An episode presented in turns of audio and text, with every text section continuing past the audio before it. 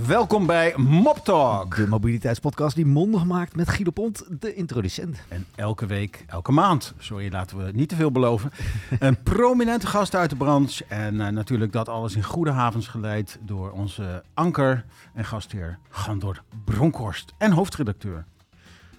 Ik zeg het nog maar even. Dankjewel Guido. Ik, ik, voel me steeds meer echt een soort van thuiskomen hier. Ik, is het ook? Ja, misschien is dat ook... Uh, In onze clubroom hier. Ja, is het gevoel wat we ook mee willen geven natuurlijk aan onze gasten. En nou ja, uh, daarover gesproken. We hebben natuurlijk bij ons in de studio ook Bart Kuipers, onze automotive orakel en uh, goed kenner van het dealerkanaal. welkom natuurlijk. En, dankjewel, dankjewel. Guido, wie heb jij meegenomen vandaag? Ja, we hebben wat omzwervingen gedaan in alle sectoren van de autobranche, maar we zijn weer terug naar waar we ooit begonnen. In het merkkanaal, zoals jullie er volgens mij dat altijd mooi noemen hier.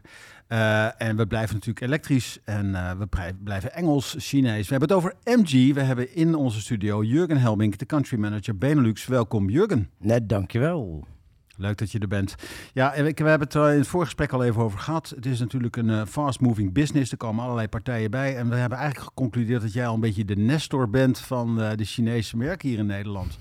Uh, we doen ons uh, best daarvoor. Uh, na 3,5 jaar MG, dan kunnen we denk ik over meepraten wat er gaande is in de markt. Ja.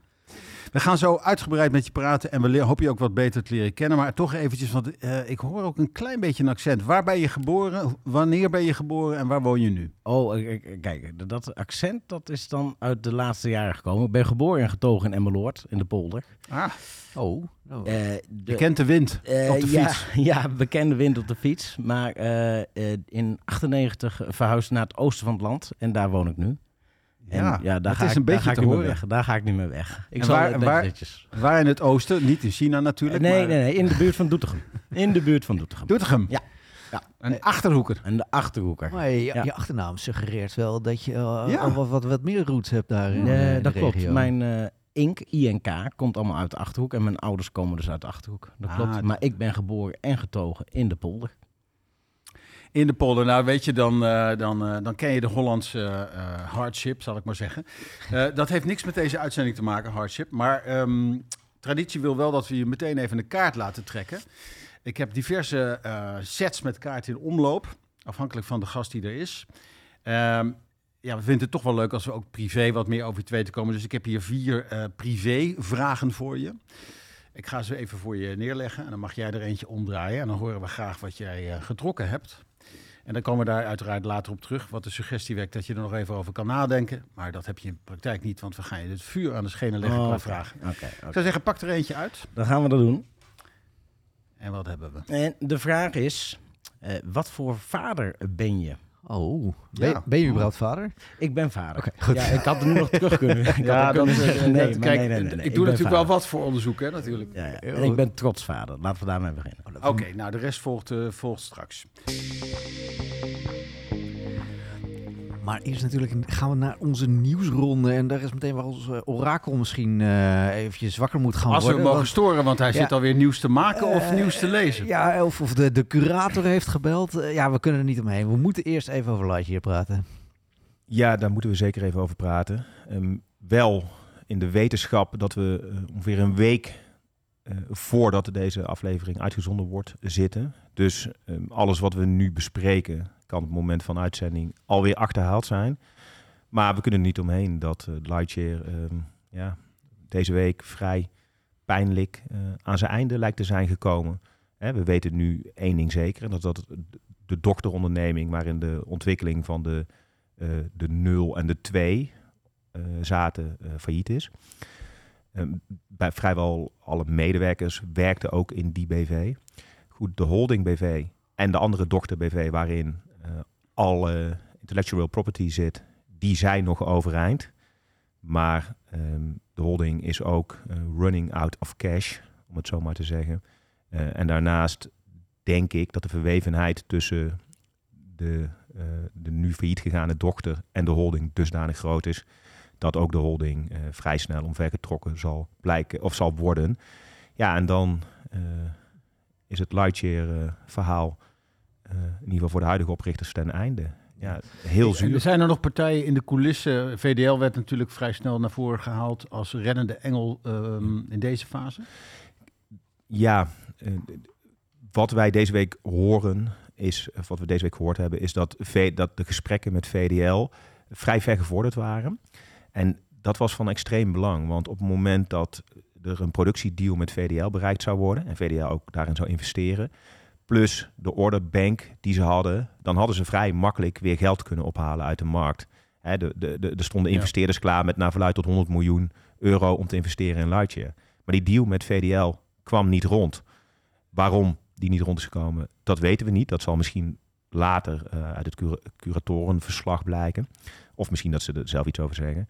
Ehm, maar omdat die deal niet rondkwam ehm, en ja, deze week de salarissen betaald moesten worden, hield het gewoon op Ja, voor, eh, ja. hield het gewoon op voor, eh, voor dus één dokter. En ze proberen nu de meubels te redden, maar ja, we hebben in het verleden heel vaak gezien dat bedrijven op deze manier probeerden de meubels te redden en het is eigenlijk nooit gelukt. Ja. Het is wel opmerkelijk, hè? Vorige maand eh, bespraken we hier eh, Sono. Eh, ja, jammer. Lightyear hadden we nog Ja, toen zat eh, Lightyear in het vliegtuig naar eh, Las Vegas, hè, om daar de twee aan te kondigen. Ja. Ja, dat, bij- voor Lightyear, voor de, voor de oprichters en de top van Lightyear moeten het ook best wel schizofrene weken geweest zijn. Want ze hadden succesjes, hè, de productie in Finland starten. Ja. De, Wat met die klant erbij, weet je, ja. een filmpje gemaakt. Dit is hem, de ja, eerste. ja, en ze, hadden, eh, ze, ze wisten weer deals te sluiten met Arval, eh, onder andere, voor de verkoop van heel veel, heel veel auto's. Er waren natuurlijk nog deals waarbij geen, eh, Nee. geld, geen geld betrokken was. Intentieverklaringen meer. Ehm, dus tegelijkertijd, en dat is deze week ook gebleken, waren ze vrij ver eh, in gesprek met eh, OEM's om als toeleverancier te gaan Ja. optreden. Wat nog Dat steeds kan. Dat hebben ze eigenlijk altijd Ja. uit, buiten het nieuws gehouden. Het ging om de productie van Ja. die auto en niet zozeer om die rol als toeleverancier. Maar daar waren ze ook al ver, vrij ver mee. Dus ja, ze hadden gewoon nog zes tot twaalf maanden financiering nodig voordat er een cashflow op gang zou komen. En op het moment dat die cashflow er is, dan had er wellicht nog meer geld aangetrokken kunnen worden. En wie weet waar het dan geëindigd was. Ja. Overigens, ik denk niet dat er ooit de twee ooit in productie gegaan zou zijn. Dat kan het me gewoon niet voorstellen. Maar de techniek van Lightyear, die, daar ben ik nog steeds van over. Ja, die is absoluut, ook die is voor de absoluut techniek geld van, waard. van. Sono. Hè? Dus, eh, Die is absoluut, die is absoluut, ge- die is absoluut geld waard. Ja. En Maar eh, wat, wat, wat is jouw inschatting? Hè? Hebben ze hem gewoon een beetje hun hand overspeeld door heel graag een OEM te willen worden? eh, in plaats van dat ze zich focussen op hetgene waar ze echt een unieke waarde kunnen toevoegen? natuurlijk hebben, ze, natuurlijk hebben ze hun hand overspeeld. Ik bedoel, die, dat, anders ga je niet failliet. Zo, zo, eenvoudig, eh, zo eenvoudig is het. Maar die, die, je, je kunt het naïviteit noemen, enthousiasme, naïviteit. Eh, die was natuurlijk ook wel nodig om dit hele project te starten. En ze hebben inmiddels eh, al hoog, of ja, zeer hoog aangeschreven en geprezen techniek ontwikkeld en software ontwikkeld. En dat wordt in de markt, hè, de OEM's, die zien dat ook. Dus ze hebben echt iets heel knaps gedaan. En dat ze daarbij een auto zijn gaan bouwen, die nul, of de zero, ja, dat begrepen we allemaal wel. Want dat is een soort van showcase, een soort Mhm. van marketing. Ja. Ehm, en die twee, ja, ja dat is de brug te ver. dat, dat, dat, was, dat, was, dat was echt de brug te ver. Maar het financieringsklimaat is natuurlijk drastisch verslechterd het afgelopen half jaar. Ja. Sono heeft daar een groot probleem mee. En Lightyear eh, heeft dat uiteindelijk... eh, die wisten ieder kwartaal eigenlijk wel 40, 50 miljoen op te halen. En toen in één keer niet meer. Het laatste kwartaal hebben ze niets meer opgehaald. Ja. Heb jij enig idee, Bart, eh, wat er vanuit overheidswegen in is eh, gestopt?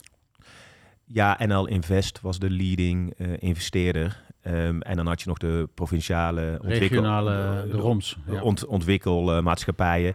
Ik denk dat van die 100, eh, dus, ik geloof 175 miljoen hadden ze nu aan investeringen. Stonden er op de balans in ieder geval. En van die 175 miljoen komt denk ik 140 miljoen. Ik heb Ja. het niet nagekeken, maar ongeveer rond die wordt vergroot. ja. komt van de, van de overheden. En goed, en met VDL, dat binnenkort zonder klant zit in Born, eh, zullen de provinciale overheden en ook NL Invest toch waarschijnlijk nog wel gaan kijken of ze iets kunnen gaan doen met die twee. Ja, iedereen die een klein beetje nadenkt, raadt het ze af. Maar ja, eh, opportunisme en politiek Ja, die gaan vaak goed samen. het zijn vaak goede Die vrienden. worden vaak dr- dronken in de bar, ja. Ehm, ik, ik zat nog even te denken aan die... eh, ja, dat was ook nog maar kerstvers, die, eh, die mededeling natuurlijk... dat Arval eh, een groot gedeelte van haar vergroening zou koppelen aan eh, eh, een afname van 10.000 eh, Lightyear 2's. Ja, eh, we weten allemaal, Arval is onderdeel van de bank. Eh, dan denk je van, oeh, er zitten toch in Parijs ook een aantal mensen nu even met wat schaamrood op te kaken. Want het is toch een beetje embarrassing, eh, zo kort na een, eh, een bekendmaking. Ik heb werkelijk waar geen idee hoe dat op bordniveau bij eh, BNP, ik geloof dat het is, BNP Ja, Paribas BNP. gaat. Maar ik zou mij zelfs kunnen voorstellen dat ze Dat het meer er niet eens kennis, tot nu toe niet eens kennis van genomen dat het hebben. gewoon meer een marketing eh, truc was. Ja, dit, dit, was een, persbericht dit was een eh, persberichtje. ja, ja. En de intentie zal er vast geweest zijn. Ja, ja, dat zie je meer. Hè. Dus eh, grote Ja. aantallen worden, hoe groter het Ja. aantal, hoe meer eh, luchtledig, zeg maar zeggen. Ja, maar, is wijsheid. maar, maar vergis je niet, dit kan toch wel een rol gaan spelen. Want er zijn dus voor 40, 50.000 orders van, die, van de Lightyear 2. Ja. Z- Zijn er nu op papier. Zijn allemaal boterzacht, maar ze zijn er wel. maar als je dat even doorrekent, dan heb je het gelijk over een productiewaarde van 2 miljard. Ja. Of in ieder geval omzet van 2 miljard. Ja. en Maar dat, je zegt het, hè, wat zijn die orders waard? Want er is nog helemaal geen product wat besteld kan worden. Het is een intentie. Nee, dat klopt. Maar overheden en opportunisme Ja, ja. en voor Ja, 2 ja, miljard ja, ja. aan Het orders. Zo gaat de investeerdersmarkt, ja. Ja, ik denk overigens niet dat het gebeurt, maar... Blauwe ogen. Ja. Prachtig. Of de zon in je ogen. Dat, ja, die kan verblinden, dat klopt. Ja, jij wil meer liedjes, hè? Ja, ik, eh, vorige keer wilde je ook al André van Duin. eh, Ja. is, eh, Ja, daar werd ik hardhandig op mijn vingers getikt door het anker. Ja, dat- Niet serieus genoeg. Ja, we wilden eigenlijk ook nog heel eventjes Tesla bespreken natuurlijk. En, en de, de, de prijsverlaging daar, die wilde, wil ik zelf ook nog een beetje voor de volgende podcast bewaren. Maar ja, we kunnen er ook niet helemaal omheen. Nee, want zeker niet met de gast aan tafel. Precies, precies. Want Nou, die, ja, daar zal het stoom toch even op de raam hebben gestaan... na die bekendmaking eh, van eh, die toch wel forse prijsverlaging. Jurgen. Ja, kijk, eh, het is inderdaad een forse prijsverlaging, hè, dat weten we allemaal. Eh, als we kijken wat we nu zien in de markt, eh, denk ik dat de impact nog niet echt zichtbaar is. Ja, oké, het, het schikeffect is er bij de klanten, bij de leasemaatschappijen. Wat het effect zal hebben op de restwaarde op, op de lange termijn, eh, ik denk dat dat op zich nog wel meevalt. Eh, voor ons in januari kunnen we de resultaten daar nog niet op afstemmen. Eh, echter, eh, ik denk dat we het dan moeten vinden in ons eh, ja, vlaggenschip eh, Marvel R. Daar zou het dan in moeten zitten. Dat zou dan concurrerend zijn met de Marvel R qua prijsstelling. Concurrerend met de... Ei. Met de ei. Ja, ja, Ja, ja, ja. Ja, ja. Ja. Ja. En eh, ik denk dat je daar dan het moet vergelijken. Eh, of wij dezelfde klant bedienen, dat weet ik niet zeker. Ik denk dat eh, MG zich daar ook wel weer in onderscheidt eh, wat men wil. Dus ja. Ja. het roept bij mij de vraag op. Ik ben benieuwd hoe jij daar tegenaan kijkt. Ehm, eh, door deze prijsverlaging aangewakkerd. Hoe je nou vandaag de dag nog kan beoordelen wat nou het, het segment is. Hè? Eh, als je als elektrisch even apart neemt. Ja. En vroeger had je natuurlijk body styles, hè? de A, B, C, D, noem maar op. Dat was echt een schoolsysteem. Van, dat ging echt om wielbasis. Eh, nu praat je over price bands eh, en een klein beetje natuurlijk van merkhistorie of nieuwigheid, innovatie. Dus wat concurreert nou met wat? Hoe zie jij dat? Hoe, doen jullie dat? Is het op prijsband? Nou, nee, nee, niet alleen op prijsband. Kijk, eh, onze modellenlijn is nog steeds op basis van het A-segment, eh, B-segment en het sub-segment en het sportsegment, zeg maar. Dat nog steeds. Maar waarbij prijs natuurlijk ook bepalend is.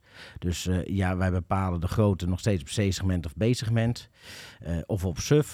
En daarbij maken wij ook een prijsvergelijk met onze concurrentie natuurlijk. En hoe compleet is een auto? En eh, Ja. daarbij nog steeds eh, de bekende appels met appels. Ja. ja. Ik vind het is wel een aardige, het is wel een aardige vraag die je opwerkt, opwerpt, eh, Guido. Hm, Sommigen, ook van de luisteraars, zullen meegekregen hebben dat ik recent een Tesla heb aangeschaft. Ook weer heb ingeleverd, inmiddels weer een nieuw heb besteld. Maar dat even terzijde. Het is tamelijk viraal dat verhaal Ja, volgens mij. Ja. Ja, ehm, maar wat, wat en ehm, ik heb twee weken in gereden.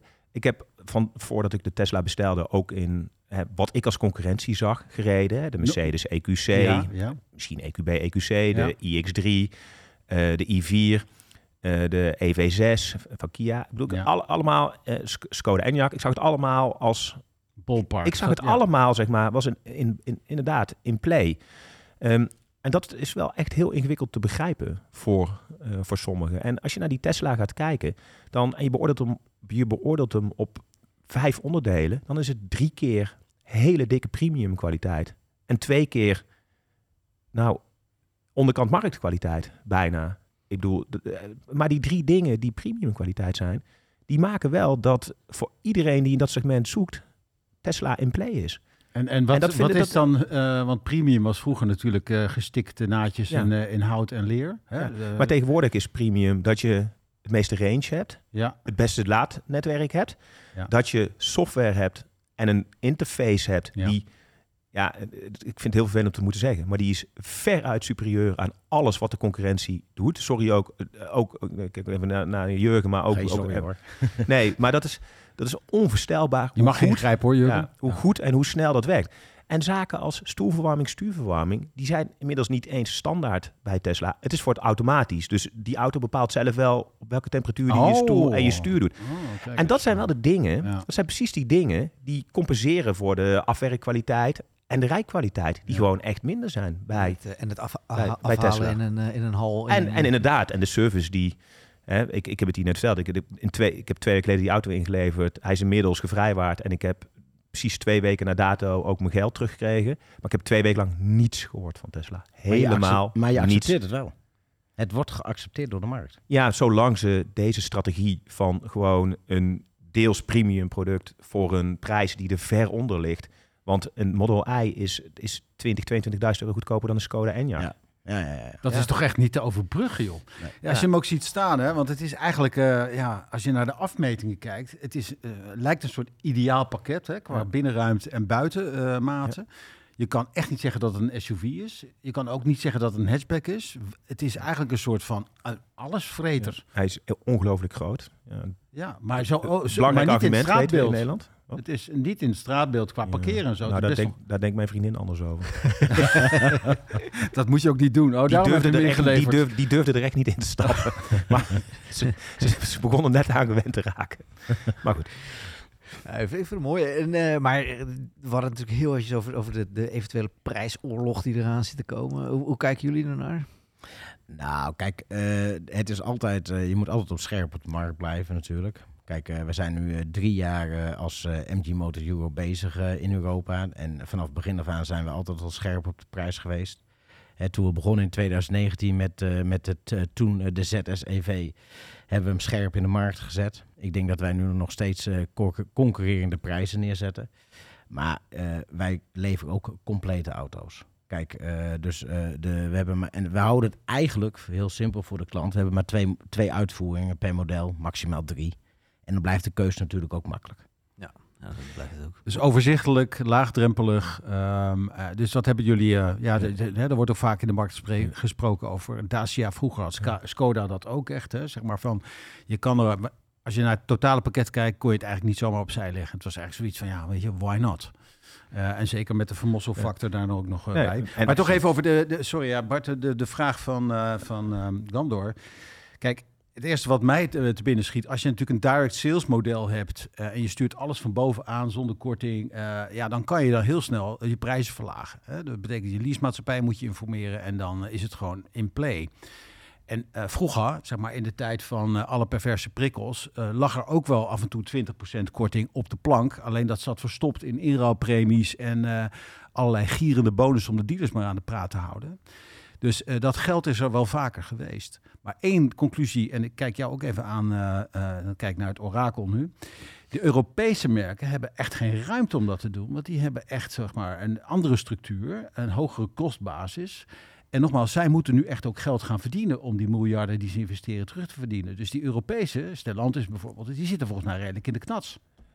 Dat weet ik niet. Kijk, wat denk ik goed is om te beseffen, is dat Tesla een ander spel speelt dan de rest. Dat, ehm, dat is ook een spel dat ze dus via volgens andere regels kunnen spelen. Maar ik denk niet dat de andere fabrikanten dat ook moeten kunnen en willen. En wat ik daar ook mee bedoel te zeggen is, Tesla heeft een extreme focus eigenlijk op twee dingen. Eén, de productiekosten moeten zo laag mogelijk zijn. Hè, Daar is dat hele bedrijf op gebouwd om zo goedkoop mogelijk te kunnen produceren. Daarom is alles gestandaardiseerd. En waar ze wel in investeren is in software en in batterij. En die combinatie die maakt dat ze dus ook die auto's steeds goedkoper kunnen produceren. Ehm, de kostprijs is gehalveerd in de afgelopen jaren. Ja, dat is uitgesloten dat de traditionele fabrikanten die met veel hogere kosten zitten, Ja. met veel ingewikkeldere vakbonden en noem het allemaal maar op, dat die dat ook voor elkaar gaan krijgen. Die moeten op een andere manier zich onderscheiden. Met dealers, met veel beter afgewerkte auto's, noem maar op. Ze zullen wel omlaag moeten met hun prijs. Daar, ik ben er 100% zeker van, ook al roepen er best wel veel nu dat ze dat niet gaan doen, dat die prijzen weer omlaag zullen gaan. Ehm, maar ze moeten niet het spel van Tesla gaan spelen. maar dat kan niet. Ik begrijp dat jij dat vanuit een brancheanalyse be- benadert. Eh, en, ik, en ik ben het ook eh, ik ben het met je eens dat dat een ander speelveld is. Maar als je nou weer even de typische Nederlandse verjaardagsfeestje erbij haalt. Dan is dat niet wat consumenten mee bezig zijn. They don't care. En, dat, en Tesla laat dat zien. Guido, Eh, Guido, Guido, Guido, sorry dat ik je onderbreek. Ja. Consumenten kopen geen nieuwe auto's. Dus volslagen irrelevant wat er op verjaardagen over verteld wordt. Er worden in Nederland 300.000 nieuwe auto's verkocht. 300.000. We hebben 18 miljoen inwoners. Dus het, twee auto's per 100 inwoners worden er verkocht. Dus dat, dat, dat spel is gewoon, dat, dat is helemaal niet, niet relevant. Dus we gaan niet het de volgende podcast maar over gebruikte auto's hebben. Nou ja, daar komt het wel, daar komt het wel op neer, ja. Oké, nou, maar in ieder geval, dus eh, we zijn het wel eens dat de Europese ehm, boardrooms, ja, die zullen zeker nerveus zijn. Daar zal gerekend worden. Er zal een reactie moeten komen, want anders is het winner takes all. Want Tesla I heeft de productie zodanig opgeschroefd, hè, Ja. En zo, dat eh, te kunnen leveren. Ja, Tesla vorig jaar 12 miljard winst. En nu gaan de prijzen omlaag. En wat zeggen ze bij Tesla? Oh, gaan we eh, zelfs bij min of meer gelijke afzet gaan we nog meer winst maken. Ja, dat is, dat is iets wat we nooit eerder gezien hebben in, in de geschiedenis. Overigens moeten ze normaal met een nieuw model gaan komen, want daar wachten we inmiddels al heel lang op. Dus hè, kan ook natuurlijk een moment Ja. komen dat we de drie en de ei Moeten we toch ook een keer Ja. iemand van Tesla in de podcast halen. Want, eh, Ja. Goed, maar we gaan weer, we gaan wel even... we, we hebben Elon Musk al getwitterd, maar die eh, heeft tot nu toe nog niet geantwoord. Het Nee, lullig, Ja. om te beantwoorden. Wie we wel hebben, is, eh, is natuurlijk Jurgen. Eh, en jij hebt zijn eh, LinkedIn-profiel wat beter Ja, bestudeerd. ja, zeker. Ja, hij noemde zelf al het jaar eh, 1998. Dat was een soort eh, markant jaar. Eh, want toen ben je ook van de, de IVA afgekomen. Ja, Eh, klopt. IVA lichting 1998. Was dat een goede lichting volgens jou? Ja, altijd. Altijd. Jij zat erbij. Maar is zitten, er, zitten er nog eh, mensen eh, de- in jouw klas waarvan je denkt van nou, die zijn nog eh, zeer eh, zichtbaar in de branche? Eh, nou, ik heb eh, laatst toevallig dat ik nu een eh, collega heb die eh, in dezelfde periode, eh, niet in 98, maar zeg maar een jaar eerder eh, eh, er, eh, er klaar was zeg maar, op de IVA. Die, eh, maar je komt ze wel eens eh, geregeld tegen. En die zie je ook wel in de Achterhoek. Eh Bernard te Brinken. Bernard te Brinken van Bribus Keukens kom je nog wel eens tu- natuurlijk tegen. Dus eh die zit ook in de Achterhoek. Nee, het is gewoon een lichting die je wel eens tegenkomt in de markt. En ook wel eens bij, vle- in het verleden als accountmanager ook wel eens tegen ben gekomen. Maar ja, het lijkt me ook logisch hè, dat, dat je Ja, mensen ja. uit de markt En tegenkomt. het netwerk wordt ook gecultiveerd vanuit Driebergen. Absoluut. Ehm, ja, jij bent toen begonnen in de bussen bij Roka. Ja. Dat is, eh, welk merk is dat? Even. Roka was toen MAN, bedrijfswagens en, en eh, vrachtwagens en bussen. Ja, dat klopt. Ah, Oké, Ja, ja, als oh. binnendienst. Ja. Ja. ja, toen leken we je even kwijt te zijn in de automotive, ongeveer vijf jaartjes. Ehm, ja, ik kon uit je LinkedIn-profiel niet helemaal duidelijk malen wat dat nou is. Misschien moeten we het er ook maar niet meer over hebben. Maar je was even uit de, uit de automotive. Nou, het was niks illegaals hoor, Ja, maar... het was niks illegaals. Een fantastisch mooi bedrijf heb ik gewerkt. Het was VB Air Suspension. Eh, echt een, een, een bedrijf wat echt wel bekend is eh, Eh, met luchtvering op eh, bedrijfswagens tot 3500 kilogram. Ik denk dat we dat niet moeten onderschatten. Eh, maar dan mis je de automotive wel. Dat klopt wel, ja. Maar oh, ik ben dus misleid door dat woord pension. Ik Ja, van, dat eh, denk daar had ik. ik niet aan luchtveren kunnen denken. Ja, ja, jij, da- jij, jij zit hier te Hij zit in de assurantiebranche of zo. Ja, Ja, jij- zit te suggereren- je zit te suggereren dat hij hier twee jaar achter de bouten heeft gezeten. dat denk ik. Ik had geen flauw idee. Er stond ook verder helemaal geen woord bij. Maar goed. kijk, kijk. Zeer respectabel. Ehm, toen werd hij inderdaad toch weer eh, zeg maar, op het goede pad getrokken. En hij kwam terug. eh, in 2006 was dat bij. Als accountmanager Fleet and Lease. Nou, dat, eh, dat, eh, dat ken ik ook nog wel. Eh, bij Fiat Groep Automobiels. Die Yes. S die moet er altijd bij, hè? Yes. Of is het Automobiles? Ja, ja, ja. ja Hoe spreek jij het nou uit? Fiat Automobiles. Automobiles. Ja, accountmanager Fleet and Lease. Weet jij nog wie daar de roerganger was in die periode? Nou, destijds was het Jan Flipsen. Oh ja. En eh, destijds was eh, Frank Meijer eh, verantwoordelijk voor de vlietsalsafdeling. En die naam komt straks nog terug, Die heb ik zo'n vermoeden. Ja, precies. Daar gaan we het zo nog even over hebben. Een beetje een draadje erin. Ja, ehm, jij, je zat een beetje op de wipwap, want eh, je was dan weliswaar vier jaar lang bij de importeur. En toen ging je weer naar retail, ja, bij Wassink. Eh, maar dat Wassink was het even niet, hè? Dat was niet Was, het, was het even niet. Nou, dat kan gebeuren. Kan gebeuren, En als je dat samen door hebt, dan moet, je, dan, moet je, dan moet je zien dat je weer gaat doen wat je leuk vindt. Ja. Dat, eh, dat, dan moet je gedrevenheid zijn, toch? Zeker. Dus dat geeft helemaal niks in de cv met zoveel jaren. Dus je kwam weer terug bij eh, Ford, ook weer in de B2B. Eh, dus dat waren toch ook wel drie, vier eh, leuke jaren. En daarna toch weer retail. Dus Toch ja, het leek een soort van bijbelse vraag. Waar hoor je nou het beste tijd? Her, Herwers, Renault. En daar kreeg je een managementrol. En Ja. ik werd ook verantwoordelijk voor de bedrijfswagens daar. Ja, maar daar hebben we samen hebben we daar, eh, werd ik verantwoordelijk in Doetinchem. Eh, uiteindelijk de bedrijfswagens erbij. Eh, daar eigenlijk een ontzettend leuk team op gezet. Eh, eh, de juiste resultaten naar boven wezen te halen. En dat is gewoon leuk als je met een team kunt samenwerken en een team mag bouwen. Ja, En dat is altijd het gewoon leuk, hè? Dus toen merkte ik wel, oh ja, dat is wel heel leuk om iets op te bouwen, ja. Weet je nog hoe je daarin te werk ging? Want het was voor jou toen ook relatief nieuw. dat Het je- was toen voor mij nieuw. Eh, maar ik denk dat je, als je gewoon, eh, wat dat betreft in mijn werk ook, gewoon heel duidelijk bent wat je wil bereiken. En als je dat uitspreekt wat je wil bereiken, dat je het ook kunt bereiken. En ik denk dat het een hele belangrijke leidraad is, eh, wat ik nu nog steeds toepas. Als je ergens in gelooft, dan kan het ook. En als je daar de juiste mensen bij betrekt, dan kun je het eindresultaat ook behalen. En wat was voor jou, je, of, of vandaag misschien ook, wat zijn voor jou de juiste mensen in deze tijd? In ieder geval waar je kun- kunt bouwen en kunt vertrouwen. Ik denk dat dat heel belangrijk is. En als je samen de ambitie uitspreekt en er samen voor gaat, eh, dan is dat eh, de juiste klik hebben. Ja, dat, eh, dat heb ik ook eh, in, in de Benelux, waar ik nu zit natuurlijk met MG en verantwoordelijk ben. Heb ik ook de juiste mensen bij de distributeurs zitten om samen onze doelstellingen te bereiken en onze targets te realiseren. Daar gaan we het Mag ik zeker- even vragen, ja. wie zijn jullie eh, de, de retailers in België? Eh, wij, nou, wij hebben in de Benelux distributeurscontracten. Dus eh, in eh, Nederland eh, doen we dat met Van Mossel en Uiteraard. in België met Astara Groep. Oké. En dat was in het verleden was dat eh Alcopa, Alcomotive. Maar Astara is onze distributeur in België. Oké. We gaan inderdaad even de sprong maken naar het heden. Eh, zijn naam viel al even, maar ik vermoed dat je ergens in 2019 een telefoontje kreeg van ene Frank Meijer. Eh, ja, dat klopt. Eh, Frank Meijer, ja, die, maar die ken ik al wat langer natuurlijk uit de autobranche. Ook een En, man uit de Achterhoek. Ook een man uit de Achterhoek. En die begon inderdaad... Zoon van een bij- roverdealer. Eh, zoon van een roverdealer uit Doetinchem. Nee, maar kijk, eh, Frank ken ik al langer. Daar heb ik al eh, in mijn Fiat-tijd eh, mee samengewerkt. En als je elkaar kent en weet wat je aan elkaar hebt, nou, dat is eigenlijk hetzelfde. Hè? Dan kun je vol gas gaan en voor je resultaten gaan. Eh 2019 heb ik contact gehad. Eh daartussendoor ook altijd. Zodoende ben ik inderdaad bij MG terechtgekomen, ja. En ehm, ja, dat is dan eh, nu de spreekwoordelijke vis eh, in het water. Zo happy, je helemaal op je rol. Ik ben eh, op dit moment eh, zeer happy in mijn rol, ja. Goed zo. Nou, we gaan het eens even hebben over de business. Dus je profiel is mooi neergezet. Ehm Kiet of dubbel was het een beetje elk jaar van eh, de afgelopen twee jaar. en Eh, volgens mij heb je net al geroepen dat dat ook voor dit jaar eh, de bedoeling is. Het dubbel dan. De, de, iets meer dan dubbel wil ik graag. Nee, kijk, wij hebben gewoon een eh, met eh, in Nederland werken met eh Van Mossel en echt met de relatie met Van Mossel is gewoon heel goed. We weten wat we aan elkaar hebben. Ik denk dat dat heel belangrijk is om een merk neer te zetten. Kijk, als je in 2019 begint en dat was een gekke periode dat je in één maand duizend auto's nog op de weg kunt zetten door de bijtelling. Laten we daar eerlijk in zijn. Tuurlijk. Eh, daarna wat uitdagingen gehad door corona. Eh, afgelopen jaar zelfs, eh, we waren blij dat we auto's kregen. We kregen in ieder geval auto's, hè, dat was key.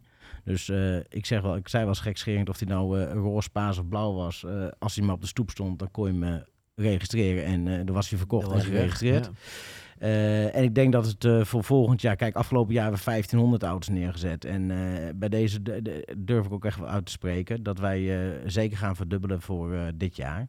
En wat zijn dan de, de bouwstenen daarvoor? Ja, kijk, ik denk dat wij een, met Van Mossel een goede relatie hebben en een goed netwerk hebben. Eh, we werken nu met we- vier brandstores, eh 13 service locaties, dedicated MG service locaties. Gezien de groei die we samen met Van Mossel door gaan zetten, gaan we naar een, een, een- dit jaar of in de komende toekomst, dit jaar zelfs nog uitbreiden met meerdere vestigingen. Oh. Om ook weer de wens te kunnen voldoen bij de klant. En hoe, hoeveel vestigingen hebben we het dan over? Nou, ik denk dat we komende jaar tussen de, de drie, vier vestigingen eh, eh, wil Van Mossel extra eh, neerzetten in Nederland. O- Ja, Over het hele land? over het hele land. Ja. Wat zijn jullie eisen aan die vestigingen? Nou, kijk, eh, wij stellen, wij hebben gewoon een minimaal brandboek. Dus wij hebben gewoon een CI brandboek. En eh, daar stellen wij eisen aan. En eh, de brandstores zoals ze nu zijn neergezet eh, door Van Mossel, eh, klopt wel helemaal via het brandboek, ja. Eh, Oké, dat begrijp ik dan, maar waar moet ik aan denken? Moeten Eh, het standalone, hele grote glazen paleizen zijn? Eh, nee, het hoeven niet hele grote glazen paleizen te zijn. Maar kijk, wij, naar 2025 willen wij gewoon 10 modellen hebben. En dan zijn dat niet alle 10 modellen voor Nederland, omdat er ook nog wat eh, eh, ijs, wat benzinemotoren bij zitten. Maar EV, PHEV is, eh, is de markt voor Nederland. Dus betekent dus dat we tussen 7 en 8 modellen in 2025 in Nederland hebben. Ja, daar moet wel plek voor zijn. Dus waar zit je dan aan te denken? Minimaal 200 vierkante meter showroom oppervlakte. Eh, wel op een A-locatie, dat bedoelen we mij te zeggen bij meerdere merken. Eh, maar voor de rest hebben wij eh, als voorbeeld, er hoeft geen marmeren vloer in te zitten. Dus, de vloer, eh, daar is die. de vloer hoeft dus niet. Nee, maar kijk, dat is een beetje per merk verschillend. Ja. Eh, wij denken dat wij eh, eh, CI-eisen hebben die prima haalbaar zijn en goed te volgen zijn. Pragmatisch. En niet over de top qua prijs zijn. Ik vind de Ja. fabrikant overigens over, per definitie altijd dat de CI-eisen Uitstekend zijn. Nou, Eh, ik, denk dat zelfs, ik denk zelfs dat onze distributeurs prima tevreden zijn over de minimale eis die we hebben, dat het prima handelbaar is. Ik wil zo nog eventjes, eh, komen we zeker terug op de eh, samenwerking met Van Mossel en over channel, zou ik maar zeggen. Eventjes naar de producten. Hè. Je hebt het, eh, jullie werken naar 10 toe. Nou, eh, jullie hebben er nu vier of vijf? Eh, we hebben er nu, ja, het ligt Hoe aan tel welk je land. het? Ja. het ligt aan welk land je zit. Ja. Nederland. Nederland. hebben we natuurlijk de ZS eh, EV. Eh, we hebben de Marvel R, MG5, MG4 en de EAS PHEV. Ja. Even die MG5. De eerste EV-station waren ter wereld. Ja. En ik vond dat toen ik dat las, inmiddels alweer eh, denk ik een jaar geleden dat die kwam, dacht ik van nou, geniaal, want die is natuurlijk per definitie 10% lichter. Eh, niet per definitie minder laadruimte, dus heel praktisch. Het is eigenlijk zoiets van, we moeten wel met z'n allen weer opnieuw verliefd worden op die station wagon. want Heel zeker als het ja. om fysiek gaat. Maar de markt is nog niet gevolgd. Heeft de rest nou zitten slapen of heeft MG gewoon eh, een hele traditionele eh, productdesigner ergens zitten? Hoe, Nou, wel grappig dat jullie de enige zijn. We, de- de- grappig dat we de ene zijn. Misschien wel grappig dat we het aandurven. Laten we dat misschien zeggen. Kijk, het, nee, maar het ligt er ook aan in welk land je bent. Hè. Niet in elk land is een station populair. Ja, in Nederland natuurlijk wel. Wat je ziet is dat de vraag groeit naar fleet, vanaf fleet owners voor deze producten. Eh, in het begin hebben wij natuurlijk een, een start gemaakt met ZS en deze is later bijgevoegd. Voldoet aan alle eisen. En ik denk vooral dat ook voor de MG5 dit jaar een belangrijk jaar wordt. Eh, beschikbaarheid, is, beschikbaarheid van de auto's is op dit moment heel goed. Mhm. En dat zal ook impact hebben eh, bij fleet owners als je snel kunt leveren. En wat is dat vandaag de dag in een gesprek met een fleet owner? Wat krijgt hij te horen? Hoe, hoeveel maanden leeftijd? heb Nou, kijk, wij, hebben, wij kunnen alles binnen drie maanden leveren. Behalve de ZS is een wat grotere uitdaging. Eh, maar dat komt gewoon omdat de ZS wereldwijd gewoon een, een, een, een, daverend, ja, gewoon een groot succes is. Eh, zowel eh, als benzineauto als elektrische auto over de hele wereld. En daar is zoveel vraag naar dat wij nu wel wat proberen de focus te leggen op de modellen die binnen drie Mhm. maanden leverbaar zijn. MG gaat nog niet naar Amerika, toch? Wij zitten al in Zuid-Amerika. Zuid-Amerika. Ja. Oh, dat is ook Amerika. Ja, dat klopt. Ja, dat, staat zuid even terug naar die 10. Eh, hoe- mag je daar iets over zeggen? Al is het je persoonlijke visie of hoop. Maar hoe goedkoop eh, wordt het dan op een gegeven moment in dat gamma van 10 naar beneden toe? Nou, kijk, eh, ik, ik weet niet of dat uh, of goedkoop. Het moet Nou, concurreren. Nou, hoe- goedkoop. hoe, het moet eh, benaderbaar, zou ik Ja, zeggen. hoe benaderbaar. Bereikbaar is het woord ja. dan. Kijk, wij zullen dus daar ook een eh, range hebben. Dan komen we weer met onze segmenten aan waar we net al eerder over gehad hebben. Kijk, wij zullen ook vanaf het A-segment natuurlijk aanwezig zijn. Wij zullen met een, eh, met een, een, een, een, ja, jij zegt natuurlijk, maar Ja, sorry. Het Wij A-seg- komen ook Het A-segment wordt door sommige experts afgeschreven. Klopt, Dat is, eh, klopt. B is een beetje het nieuwe A. Ja, dat klopt. Alleen dan is het een A+, dus dan kom je misschien Oh, van A+. B min. Ja, Ja. nee. Maar kijk, wij komen B ook in het kleine... wij zullen in het kleine segment ook komen. Kijk, en wat is een ideale prijsstelling? Eh, misschien, ja, 20.000 euro? Ja, dat is een beetje waar nu dan eh Dacia Spring. Dacia Spring? Ja. 20.000, goed abonnementje erbij. En Private Ja. lease. het zal heel hard gaan. Ja, Private lease Ja. is gewoon heel hot. En dat Ja. zien we nu ook met de MG-producten wat we samen hebben natuurlijk. Kijk, eh, is het gewoon heel scherp, eh, een eh, private lease. Jullie zitten nog steeds, eh, waar zit je ongeveer? Zeg maar in de communicatietarieven? In de communicatietarieven zitten wij op nu 4,29 voor een MG4. Ja, dat is redelijk benaderbaar. Ehm eventjes naar de andere kant van het spectrum. We hebben natuurlijk al eh, mooie foto's voorbij zien komen van eh, iets wat spiritueel de opvolger is van eh, de echte Moritz Garage. Hè, de MGB natuurlijk. Zeker, denken we aan de rode broeken en golvend zilver haar. Ja. Maar dan in de nieuwe reocanatie. Eh, wat kan je daarover vertellen? Nou, kijk, op dit moment, nee, we, hebben, we hebben twee dingen wat naar voren gaat komen. En dat, wat, wat wij verwachten dit jaar nog mee te kunnen komen, is in ieder geval de MG4. Kijk, we hebben nu de MG4 een, een standaard uitvoering, comfort luxury uitvoering. Eh, met, eh, met, eh, met, een, met een kleine, ja, ik noem maar long range en short range eh, uitvoering. Eh, eh, wij gaan dit jaar nog komen met een performance uitvoering, een MG4 Performance. Eh, eigenlijk een knipoog naar het eh, sportieve karakter van de MG van vroeger. Dus je gaat op Silverstone rijden en zo. Nou, misschien wel, misschien wel. Wie weet. Nee, maar kijk, weet je, het is, eh, we komen nu met een eh, performance, eh vierwiel aangedreven, eh, koppel van 600 newtonmeter. Eh, dat moet wel een stukje, ja, een beetje een paradepaardje worden van de MG4 dan. Eh, alleen de volgende stap die komt is dat we de, inderdaad de MGB, eh, de Cyberster gaat komen, elektrische eh, eh, cabrio. Dat is bevestigd dat die komt. Dat is dus 200% zeker dat deze gaat komen. Ja. En, en, en mag je daar al een kalenderjaar aan hangen? Ehm, eh, dat zal misschien wel 23 zijn.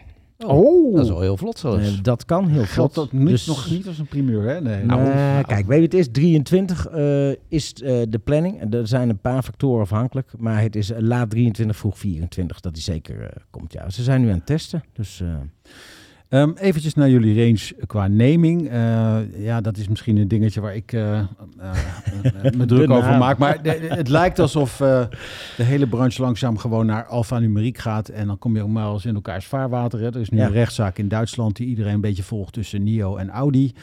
Ehm, het lijkt dan een soort van systematiek achter te zitten. eh, zoals vroeger BMW dat ooit heeft bepaald. Hè. Dus het 3, 4, 5, 6, 7. Audi volgde toen.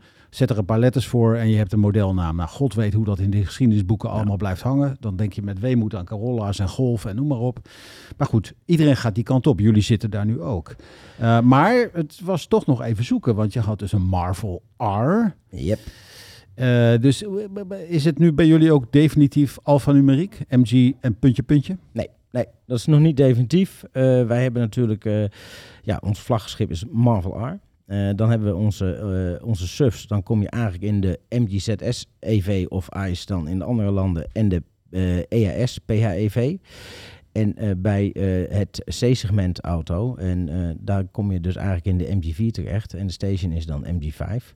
Eh, of wij numeriek doorgaan of wat dan ook, ja, dat is nog niet vastgesteld. Dat Nee. zal eh, de toekomst uitwijzen. Maar we- ja, we zitten hier ook omdat je natuurlijk een, eh, leuke functie hebt en waarschijnlijk ook wel een kijk op dingen. Wat vind jij daarvan, van die, dat iedereen maar, ook Volkswagen dus eigenlijk ook in de ID7 alweer. Oh, Dus, printernamen worden het. ja, het is eigenlijk van, wat hebben we het eigenlijk over? Ik vind een naam aan een auto wel wat hebben. Ja, Hè, het is allemaal nummertjes. En Ja. eh, voor de rest een, een, een- een hoop gesprekken over heb je een 6, een 5 of een 4 of een 3.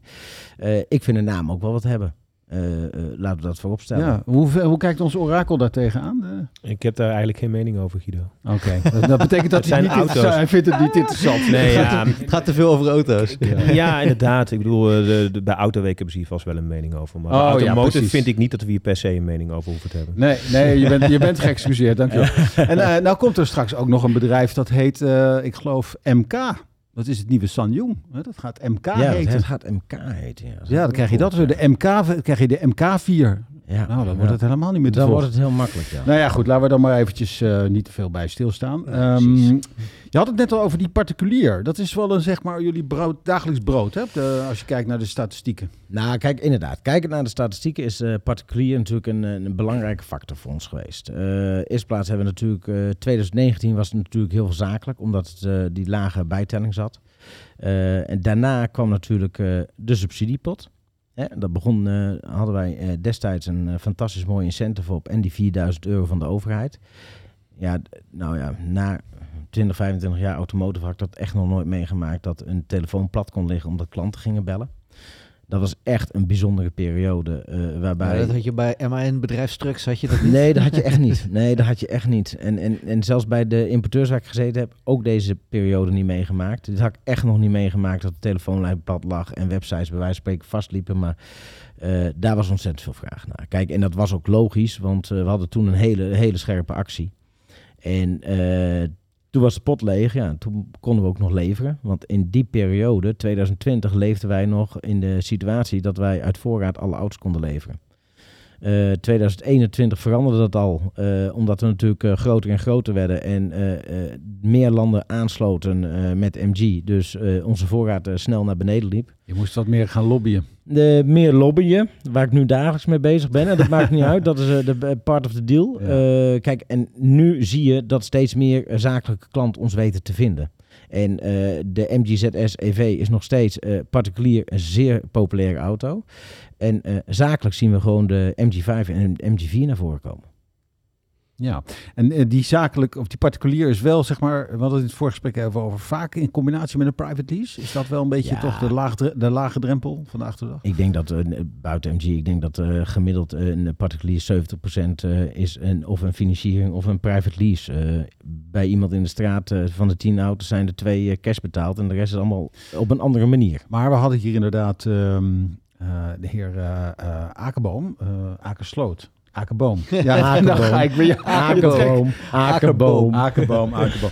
Ja, dus die eh, leeft, het, vooral- leeft vooral van de financieringen. Eh, ik denk dat het met name daar eh, ten koste gaat van de traditionele financiering, eh, de private lease.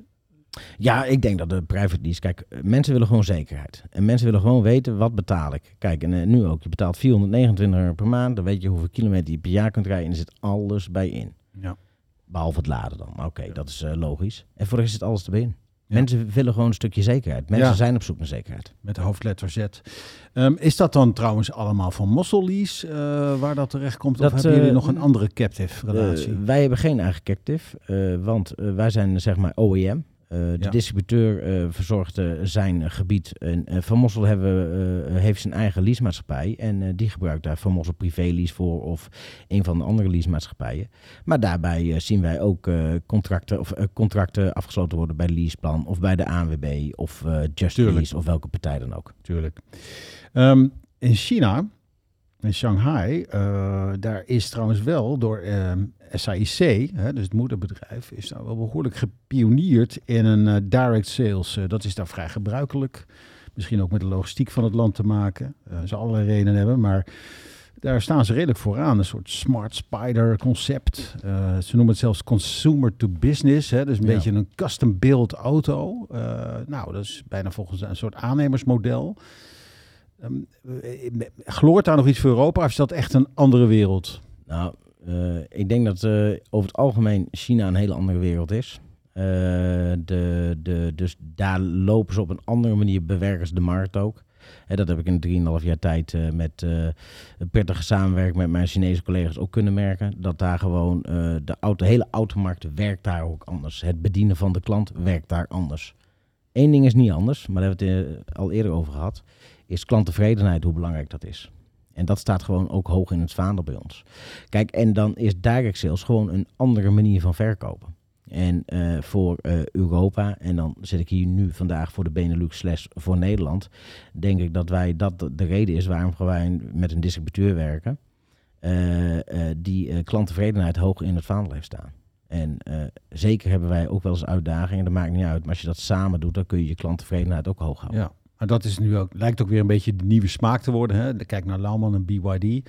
Maar je hoort ook wel de term eh, duo channel. Dus weet je, een beetje van beide. Hè? Dus Ja, eh, daar wordt ook wel mee geëxperimenteerd. Ja, wij hebben dan niet een eh, van beide. Wij hebben maar van één, zeg maar. Nou goed. Oké, Ma- monogame, monogaam huwelijk Ja, ja, met een distributeur. ja. Dat gezegd hebbende, ehm, want kijk even naar de landkaart in België. Daar zijn toch ook wel wat andere dealers aangesloten. Eh, of zijn dat allemaal eh, de- dealers die deel uitmaken van de Astara groep? Nee, kijk, we zijn in Astara zijn we ook eh 2019, eh, december 2019 eh, contract getekend. januari 2020 begonnen op de Brussels Motor Show toen met één model. Eh, dat is eh, distributeur. Kijk, eh, destijds was dat Alcopa, Alcomotive. Dat is verkocht aan Astara groep. Astara heeft geen eigen dealers in België. Dus dat zijn allemaal hun contractpartners, zeg maar. Maar uiteindelijk zijn hun wel verantwoordelijk voor de bewerking van de hele markt, marketingactiviteiten en noem maar op. Ah, oké. Dus zij hebben eh, de verantwoordelijkheid of de vrijheid om zelf, zeg maar, distributie, retail partners aan te stellen. Eh, nou, dat is een heel groot woord, vrijheid. In samenspraak met ons wordt het netwerk opgezet. Hij kijkt ook ineens heel wat serieus. nee, maar kijk, weet je het is? Ik vind, daar moet je gewoon samen goed over sparren. Eh, welke partners zijn daar geschikt voor? Kijk, en wij willen nu... We zijn begonnen met MG.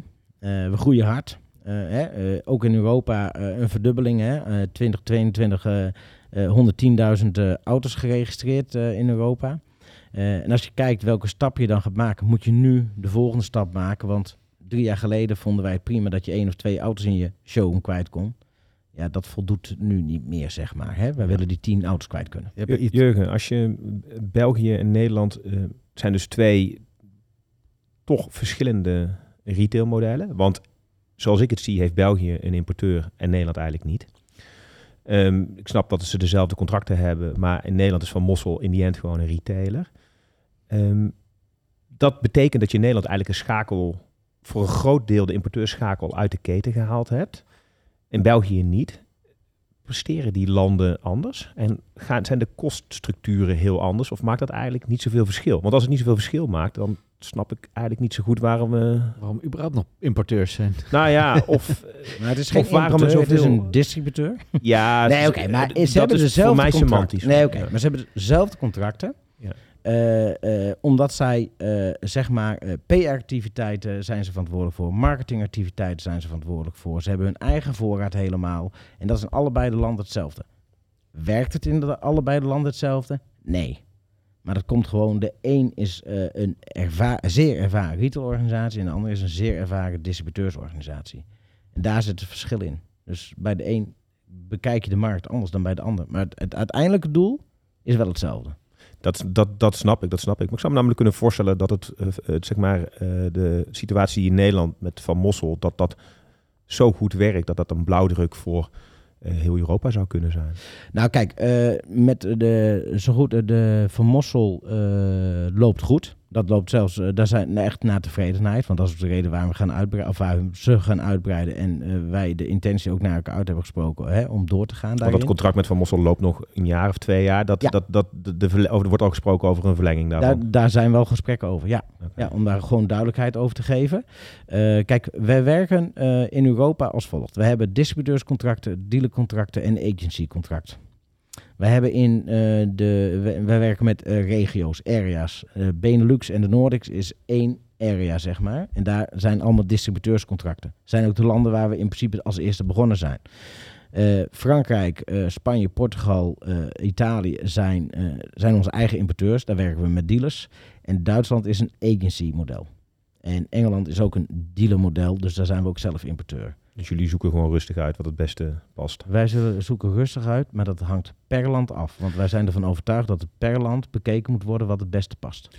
Dan denk ik meteen, ehm, maar dan lijkt wel alsof ik terug ga naar vervlogen tijden. Van, dat wordt spannend op het moment dat er overcapaciteit is. Ja, het is niet ondenkbaar eh, in de toekomst.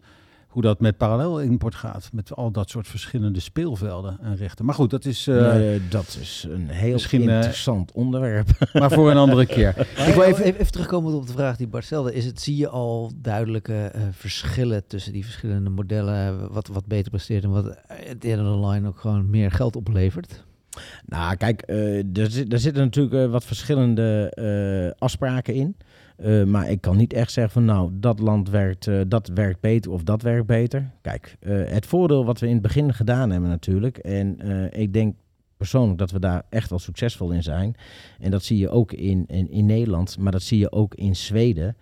Eh, dat we daar heel snel goede stappen hebben kunnen zetten. Met, eh, met betrouwbare en, en goede partners. Die Mhm. precies weten wat ze moeten doen. Je had die een naam en je had voorraad. Dus je kon echt snel starten. Het is Ja. interessant natuurlijk, omdat jullie ook eerst in Leidschendam vrij lang in de mol hebben gestaan. Ja. Eh, en dan toch blijkt dat een, ja, het, laten we zeggen, het traditionele kanaal gewoon net even wat...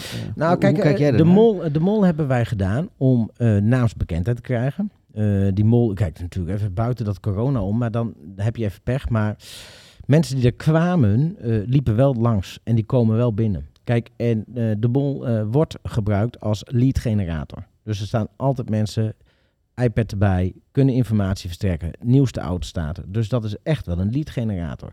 En dat is ook een, een prima samenwerking tussen MG Motor Europe en Van Mossel. Dat doen we samen daar.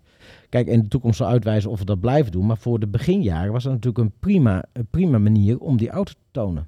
Wat leer je dan aan de achterkant? Wat zijn dan de conclusies die je in zo'n ja, experiment... eh, meerdere zijn er gevolgd, hè? Je bent Meerdere, er nu een ja. stuk of drie of vier. ja. Ehm, maar wat leer je daarvan als, eh, als, als automotive retail? eh, Nou, kijk, eh, wat leer je ervan is in ieder geval dat je een manier hebt om het daar neer te zetten. Kijk, het is natuurlijk, het is eenmalig kun je het bedrag uitgeven. Dus je moet een keus maken tussen marketing of daar staan. Nou, wij hebben toen een keer de keuze gemaakt, wij gaan daar staan.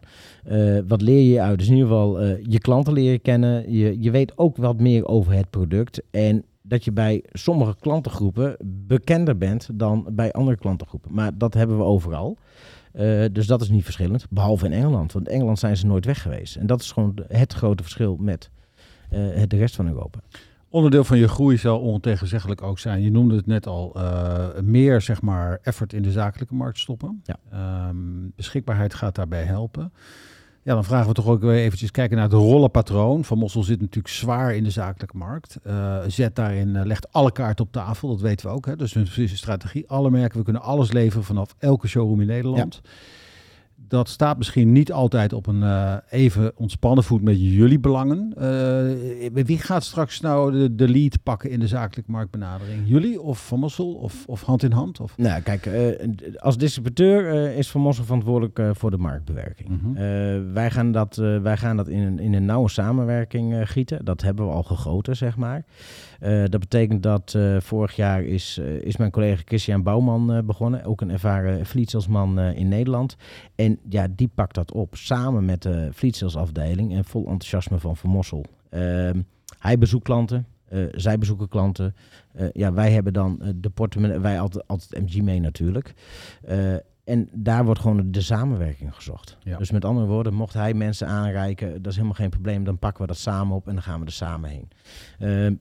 En daarbij is het zelfs mogelijk dat wij zeggen: hey joh, die partij kunnen we auto's leveren. Komen jullie mee? Kunnen we samen afstemmen? Regelen wij de auto's en dan worden die auto's daar geleverd. Jij, bent, jij hebt natuurlijk zelf ook een fleet-achtergrond. Ehm, zie je daar voor jezelf nog een rol in weggelegd? Of vind je dat ook eh, een interessant onderdeel van jouw werk? Of? Nou, kijk, eh, eh, ik zou het best wel willen doen, maar ik heb de tijd gewoon niet. Ja. nee, fleet sales blijft interessant. Eh, echter, eh, de functie die ik nu bekleed vind ik eh, nog uitdagender, zeg maar, om alles geregeld te krijgen in, in de Benelux. De, daar ben ik ook druk genoeg mee. En Christian is daar de prima partner binnen MG voor om dat samen met Van Mossel Als- vol enthousiasme te doen. Als hij, in de, de- de- als hij goed luistert naar de feedback ook die hij krijgt hè, vanuit de fleet, fleetmarkt, ehm, dan heeft hij waarschijnlijk een aantal toch wel vrij cruciale dingen teruggekregen over bijvoorbeeld de MG, MG4. We hebben op onze autonieuwspagina's en de bladen die we hebben, hebben we, vragen we ook fleet owners, nou wat vinden jullie ervan? En hun eerste reactie is allemaal, ja, fantastisch dat er eindelijk een elektrische station is en die betaalbaar lijkt. Maar ze- MG5 bedoel je dan? Oh, sorry, de M- MG5. MG5. Ja, sorry. ja oké. Nee, oké. MG5, zoals ik net zei, Ja. ik ben heel slecht in, niet eh, uit, maakt niet uit. in, in dit soort... eh, Hij eh, zat in namen. de buurt. Ja, ehm, maar bij die, bij die MG5. Maar ze zeggen ook van ja, maar de auto komt op bepaalde punten nog tekort. Eh dat, dat horen jullie dan ook. En ik weet niet meer precies wat het zijn, maar de achterbank is niet verstelbaar. Of dat, dat soort kleine dingen die heel belangrijk zijn voor uiteindelijk een leaserijder om voor een auto te kiezen. Ja. Hoe makkelijk krijg jij dit soort dingen aangepast in, eh, bij de fabrikant, zeg maar? Kun jij ze gewoon bellen en zeggen van, god, dit, deze dingen moeten echt even getweakt worden en dan hebben we hier een enorm succes? Nou, ik kan, ik kan wel bellen, maar dat, nee. Maar kijk, weet je, het deze dingen worden altijd opgepakt. En dat is niet binnen een maand geregeld, is niet twee, binnen twee maanden geregeld. Eh, dingen die we uit de markt horen, nemen we altijd mee bij het volgende eh, update. Of facelift of jaarwisseling.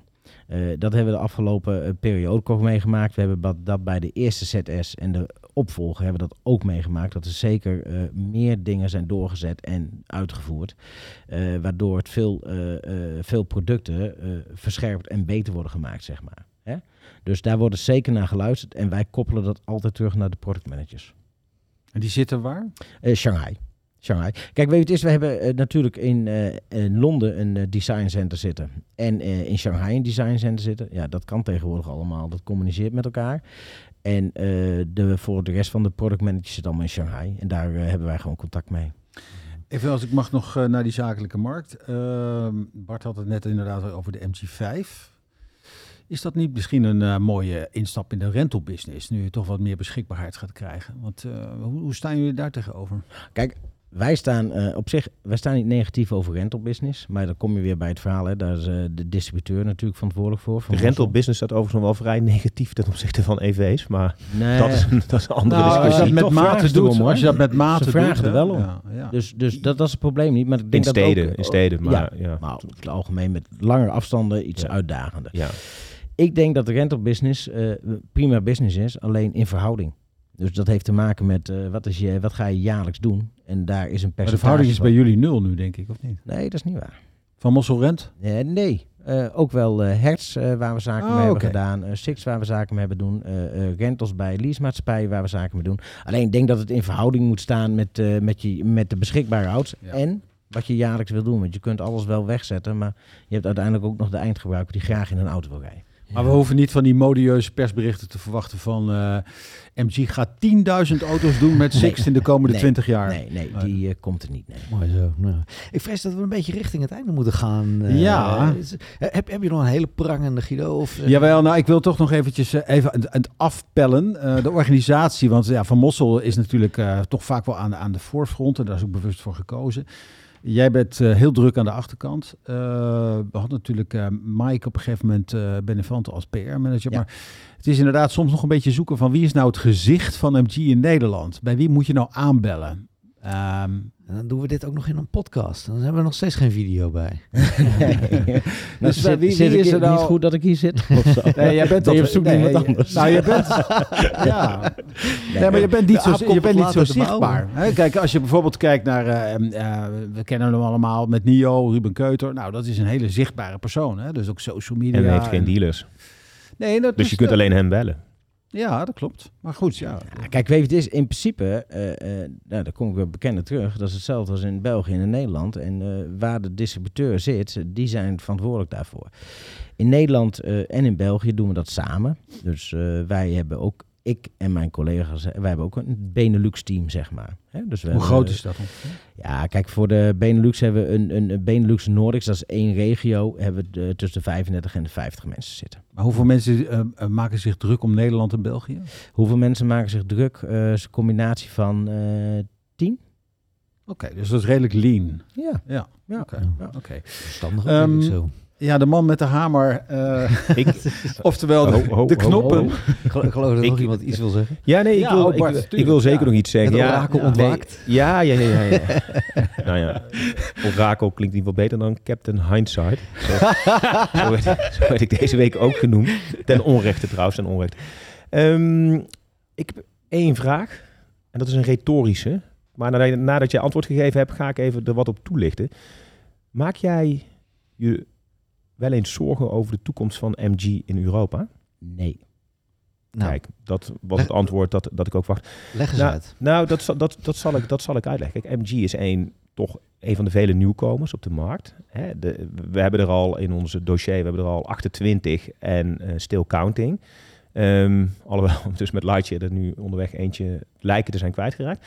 Ehm, ehm, van die 28 gaan er maar een handvol het, het redden. Maar jij bent er zeker van dat jullie een van die handvol Wij zijn een van die handvol. ja, ja, ja, ja. Ik moet, ik, we hebben eh, van, vandaag, en dat is op de dag van de uitzending, eh presenteren we de dealer holding top 60. En we hebben de grootste dealer holdings van het land ook gevraagd naar welke merken hebben jullie nou het meest vertrouwen dat ze het redden.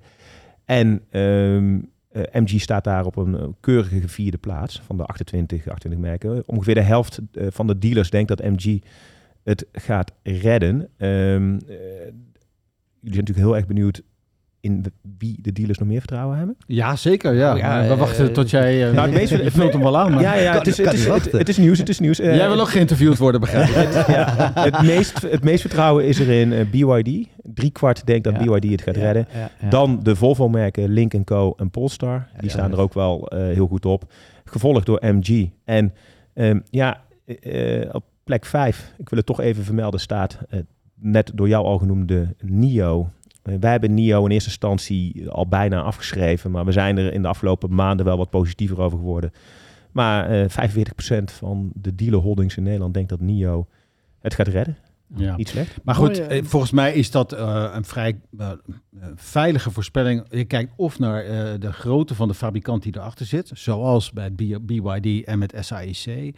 Of je kijkt naar zeg maar de lucht in de longen van de retailpartner die erin zit. Lees Van Mossel, lees Lauwman. Dus dat zijn gewoon solide bouwstenen. Die moeten in ieder geval een jarenlang een potje... eh, Ja. eh, eh, Ja, Ja, dat- dat- maar met één partner red je het niet in Europa. Laten we dat ook voor Nee, je, het, is, het nee. gaat er hebt- uiteindelijk om dat je groeit en groeit en je naamsbekendheid opbouwt en je afspraken en nakomt. zichtbaar wordt in het straatbeeld Ja, ook. Nee, dat Ja. klopt. Maar en bijvoorbeeld Smart is heel weinig vertrouwen. In Ja, dat is ook nog zo Ja. heel weinig, heel weinig vertrouwen. Daar zitten Ja. ook hele sterke. Smart Ja. heeft gewoon heel het Mercedes. Mercedes-netwerk. Ja, maar dat En er is gewoon een geen probleem. vertrouwen. Ja, dat is al jarenlang een beetje een zorgkindje Ja. geweest. Maar goed, ehm, eh, ja. Eh, ben, ben jij gecontenteerd in eh, zeg maar de reflectie op jouw eigen vraag? Eh, Ik, ik, ben blij dat, ik ben blij dat deze vraag zojuist aan mij gesteld is. Ja. Nee, maar kijk, als je kijkt naar de groei die we maken. eh, we hebben eh, 2000, eh, eh, 2021 eh, eh, rond, eh, rond de 51.000 registraties in Europa. Het jaar erop 110.000. Eh, en, en we is verwachten weer Nou ja, de- een verdubbeling. ja. En, en die groei blijven we gewoon Nou doorzetten. ja, de, de werkelijke, de, de toch wel vrij harde cijfers zijn dat jullie eh, zelfstandig net zoveel verkopen, denk ik, als alle anderen momenteel bij elkaar. Ja. Dat zet je wel op een behoorlijke voorsprong. Eh, en- ja, maar ook hebben ze ook qua redelijk wat tijd. hebben. tijd hè? Want hoe- hoeveel rijden er rond in Nederland, weet je dat? Van, Ja, de- van volgens mij- deze generatie? Volgens mij eh, 5000 eh, voertuigen zitten. ja, er. Vijf, dat is toch wel zes. een leuk park. Nou ja. Goed, we gaan naar. Eh, we moeten naar. eh, we willen graag naar de mens. Ja. Een klein Oh. beetje, want we hebben Oh. Natuurlijk eh, ja, toch behoorlijk door zitten zagen over de business. eh. nou, we weten al een beetje zeg maar, waar je bent neergestreken en waar je vandaan komt. Ehm, ja, je hebt een kaart getrokken. Het gaat over eh, vaderschap. Wat dan hebben we het niet over de stationwagen, zeg maar, en de hockeyspullen Oh, ik wou net zeggen, niet, dan- dat is geen brugje naar de MG5. MG5. Ja, wat voor vader ben je? hè? ja. Moeilijk Ja, lijkt me dat om te zeggen van jezelf. Nee, dat weet ik niet. Weet ik niet. Kijk, wat het is. ehm, eh, bij ons eh, in huis, ik heb twee kinderen natuurlijk. eh, samen met mijn vrouw Heidi. Natuurlijk. En dat- eh, natuurlijk. Ik heb twee gezonde kinderen. Oh, gelukkig. heel Hartstikke gelukkig mee Hoe zijn. oud zijn ze? Eh, 19 en 16. Eentje studeert in Maastricht. Dus dat vind ik eigenlijk, als ik heel eerlijk ben, eigenlijk... eh, die verhalen vind ik eigenlijk wel heel mooi om weer terug te horen, zeg maar. Toch? Hè? Als je, als je zo'n terug Dat is een jongen, begrijp ik. Ja. Ja. En dan hoor je maar de helft. Nou, ik heb op een gegeven moment gezegd, nou, Jarno heet die. Jarno, eh papa hoeft echt niet alles te weten van het weekend. Echt niet. Dus. Hij zei, dat komt wel goed. vertrouw komt wel goed. Toen zei hij, dat doe je ook niet, pa. Nee, nee, nee, nee. Nee, kijk, en eh, mijn mijn jongste zoon is 16. en Sven, die woont nog lekker thuis. Ehm, eh, ik vind het heerlijk om eh, als vader met mijn, eh, met mijn gezin eh, op vakantie te gaan en te genieten. Eh, februari weer lekker een weekje skiën met z'n allen.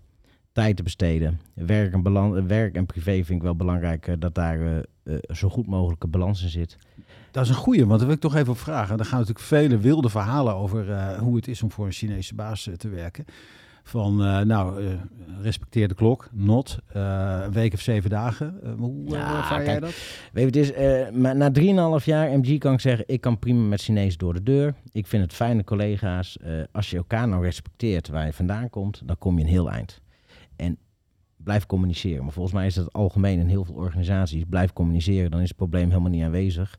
En eh, de, de, de, ik zit ook wel eens in het weekend een paar uurtjes. Maar dat is echt niet elk weekend. En ik denk dat dat gewoon een goede balans is.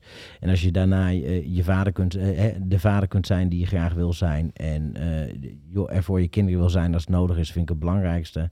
En bij ons zeggen we altijd, eh, de deur staat open waarvoor je ook komt. Dus hè, een zoon die in Maastricht zit, die kan ook na 12, 13 weken zeggen... Och, laat ik toch eens naar huis komen hè, om me verhalen te vertellen of ik heb nog wat nodig. Hotelschool, doet hij hotelschool nee, of eh, toneelschool? Hij, nee, hij zit op de universiteit Art and Culture. Dus Oh ja, ja. nou, hij zit daar op de universiteit. Dus en hij heeft, ja, beleeft daar nu. En de, en de jongste die zit nu examenjaar MAVO. Dus ja. Is er trouwens een bepaalde reden waarom je ze allebei Scandinavische namen hebt gegeven?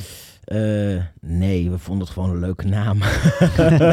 Over namen, dus niet alfanumeriek. nee, nee, nee, we vonden het gewoon een leuke naam. Ik had ook De ja, JH1 en de ja, JH2. Ja, ja, ik had ook 4, 5, 6 kunnen doen. 7 en 8 had ik over nagedacht, maar dat bar problemen. Nee, Hm. gewoon een leuke naam. Nee, niks bijzonders mee. Ik, ik, vind het een, eh, ik vind het een prachtig mooie afsluiter. Eh, Laten we, deze er eh, vaker in gaan houden inderdaad. Dit was alweer de tweede aflevering van de Mop Talk in 2023. Eh, Jurgen, hartstikke bedankt voor, voor alle openheid en helderheid. En natuurlijk allebei de heren in de studio.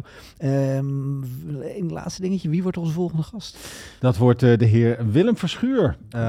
Ja, de goeroe van de nieuwe mobiliteit bij de Lauwman Groep. Eh, maar ook met een eh, rijk uh, importeurs- en merkverleden. Dus die gaan we snel spreken. Ja, perfect. En dus vanaf nu alle eerste volgende donderdag van de maand. Map Talk.